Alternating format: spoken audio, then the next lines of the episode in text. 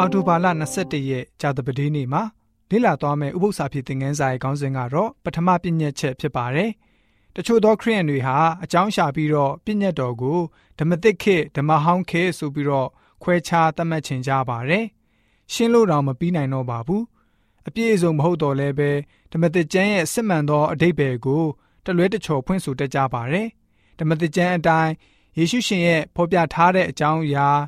ယေရှုရှင်ရဲ့အသက်တာနဲ့ဆိုင်တဲ့ဖျားတရားဆိုင်ရာရှင်းလင်းချက်တွေအသက်ရှင်ခြင်းသေခြင်းရှင်ပြန်ထမြောက်ခြင်းနဲ့အမြင့်ဆုံးရေပြောဟိတ်အမှုတော်ဆောင်ရွက်ခြင်းအကြောင်းတွေဟာဓမ္မဟောင်းအချိန်ကညွှန်ကြားချက်တွေကိုပြည့်စုံစေတဲ့အချက်များစွာရှိနေပါတယ်။ကြိုတင်ပြီးတော့ပြောဖက်ပြုချက်အားလုံးကိုပြည့်စုံစေခဲ့ပါတယ်။နီလန်ပေါင်းများစွာနဲ့ဓမ္မဟောင်းရဲ့နောက်ခံသမိုင်းကြောင်းတွေဟာဓမ္မသစ်အတွက်အခြေခံအုတ်မြစ်တွေဖြစ်စေခဲ့ပါတယ်။ ဓမ္မဟောင်းဓမ္မသစ်ကျမ်းနှစ်ခုစလုံးဟာဆိုရင်ဖျားရှင်ရဲ့ချစ်ချင်းမေတ္တာတော်နဲ့ကောင်းမြတ်ခြင်းအကြောင်းကို ပြသနေပါတယ်။ယေရှုရှင်ဟာတုန်တင်ဆုံးမတဲ့နေရာမှာဓမ္မဟောင်းကိုကိုးကားပြီးတော့ထက်ခါထက်ခါ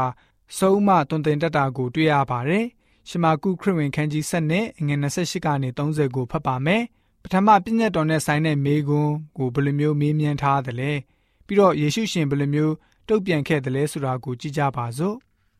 ထို့သောဆွေးနွေးညင်းခုန်ကြသည်ကိုကျမ်းပြုဆရာတယောက်သည်ကြား၍ကိုတော်သည်လျောက်ပတ်စွာပြန်ပြောတော်မူသည်ကိုသိမြင်လင်အထံတော်သို့ချီကပ်၍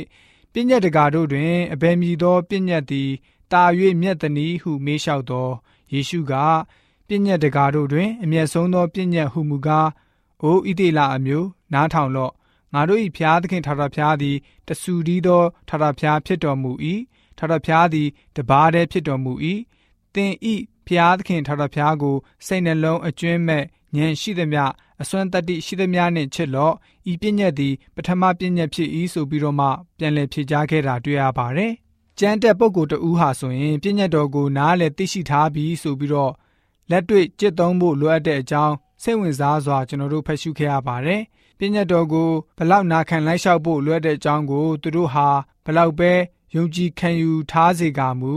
ဂျူးထုံနှန်းဒလိအရာ ပြည့်ညက်ပေါင်း613ချက်ရှိတယ်လို့သတ်မှတ်ယုံကြည်ကြပါတယ်။မိကွန်းတစ်ချက်တည်းနဲ့ပေါင်းစည်းမင်းမြဲမယ်ဆိုရင်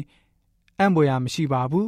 ။ယေရှုရှင်ဘယ်လိုမျိုးနေထိုင်လှုပ်ဆောင်တယ်လဲ။ယေရှုရှင်ဟာတရားဟောကျမ်းအခန်းကြီး6အတိုင်းနေထိုင်လှုပ်ဆောင်ခဲ့ပါတယ်။ငါတို့ရဲ့ဖျားသခင်ထာဝရဘုရားဟာတဆူတီးသောထာဝရဘုရားဖြစ်တော်မူတယ်ဆိုပြီးတော့ပြောခဲ့တာတွေ့ရပါတယ်။အဲ့ဒီနောက်မှာအခြားကျမ်းပိုက်တစ်ခုကိုထပ်ပြီးတော့ရင်ညွှန်းပြောဆိုပြန်ပါတယ်။ထာဝရဘုရားကိုစိတ်နှလုံးအကျွင့်မဲ့ ကိုစွမ်းညံစွမ်းရှိသမျှနဲ့ချစ်ရမယ်လို့ဆုံးမတော်မူပါတယ်။ထာဝရဘုရားကိုသူတို့ရဲ့ဘုရားသခင်လို့ညွှန်ပြဆုံးမတော်မူပါတယ်။တဆူဒီသောဘုရားကြီးမြတ်သောတမန်တရားကိုအခြေခံတဲ့ဘုရား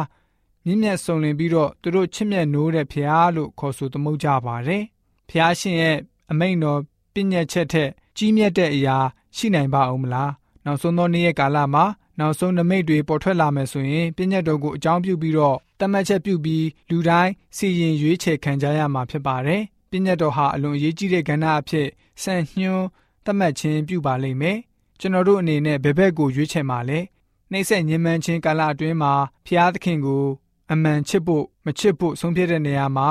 ပြည့်ညတ်တော်ကိုနာခံခြင်းမနာခံခြင်းအပေါ်အခြေခံပြီးတော့ဆုံးဖြတ်ခြင်းပြုရပါလိမ့်မယ်။ဆုံးဖြတ်ချက်ချရမယ့်အချက်ခါအဲ့ဒီအချက်ပဲဖြစ်ပါတယ်။ ထာဝရဘုရားသခင်ကိုစိတ်နှလုံးအကျွင်းမဲ့ကိုစွမ်းရှိသမျှဉာဏ်စွမ်းရှိသမျှနဲ့ဧကံအမှန်ချစ်တယ်မချစ်ဘူးဆိုတာကို ကိုယ်တိုင်မြည်ဆန်းရပါလိမ့်မယ်။ဘုရားရှင်ရဲ့ကောင်းမြတ်ခြင်းချစ်ခြင်းကရုဏာတော်ကိုသိရှိခံစားနိုင်ပါလိမ့်မယ်။လိုအပ်ခဲ့သောဘုရားရှင်ကိုယုံကြည်တဲ့အတွက်ကြောင့်ကျွန်တော်တို့အသေးခံရတဲ့အထိဖြစ်လာကြပါလိမ့်မယ်။တစုံတစ်ယောက်ကနေပြီးတော့တင့်ကိုမေကွန်းတစ်ခုမေးပါလိမ့်မယ်။အဲ့ဒီမေကွန်းကတော့တစ်ချိန်တစ်ခါမှမမြင်ဘူးတဲ့ဘုရားကိုလူတွေဟာဘလို့ချစ်ကြတယ်လဲဆိုပြီးတော့ ဖြစ်ပါတယ်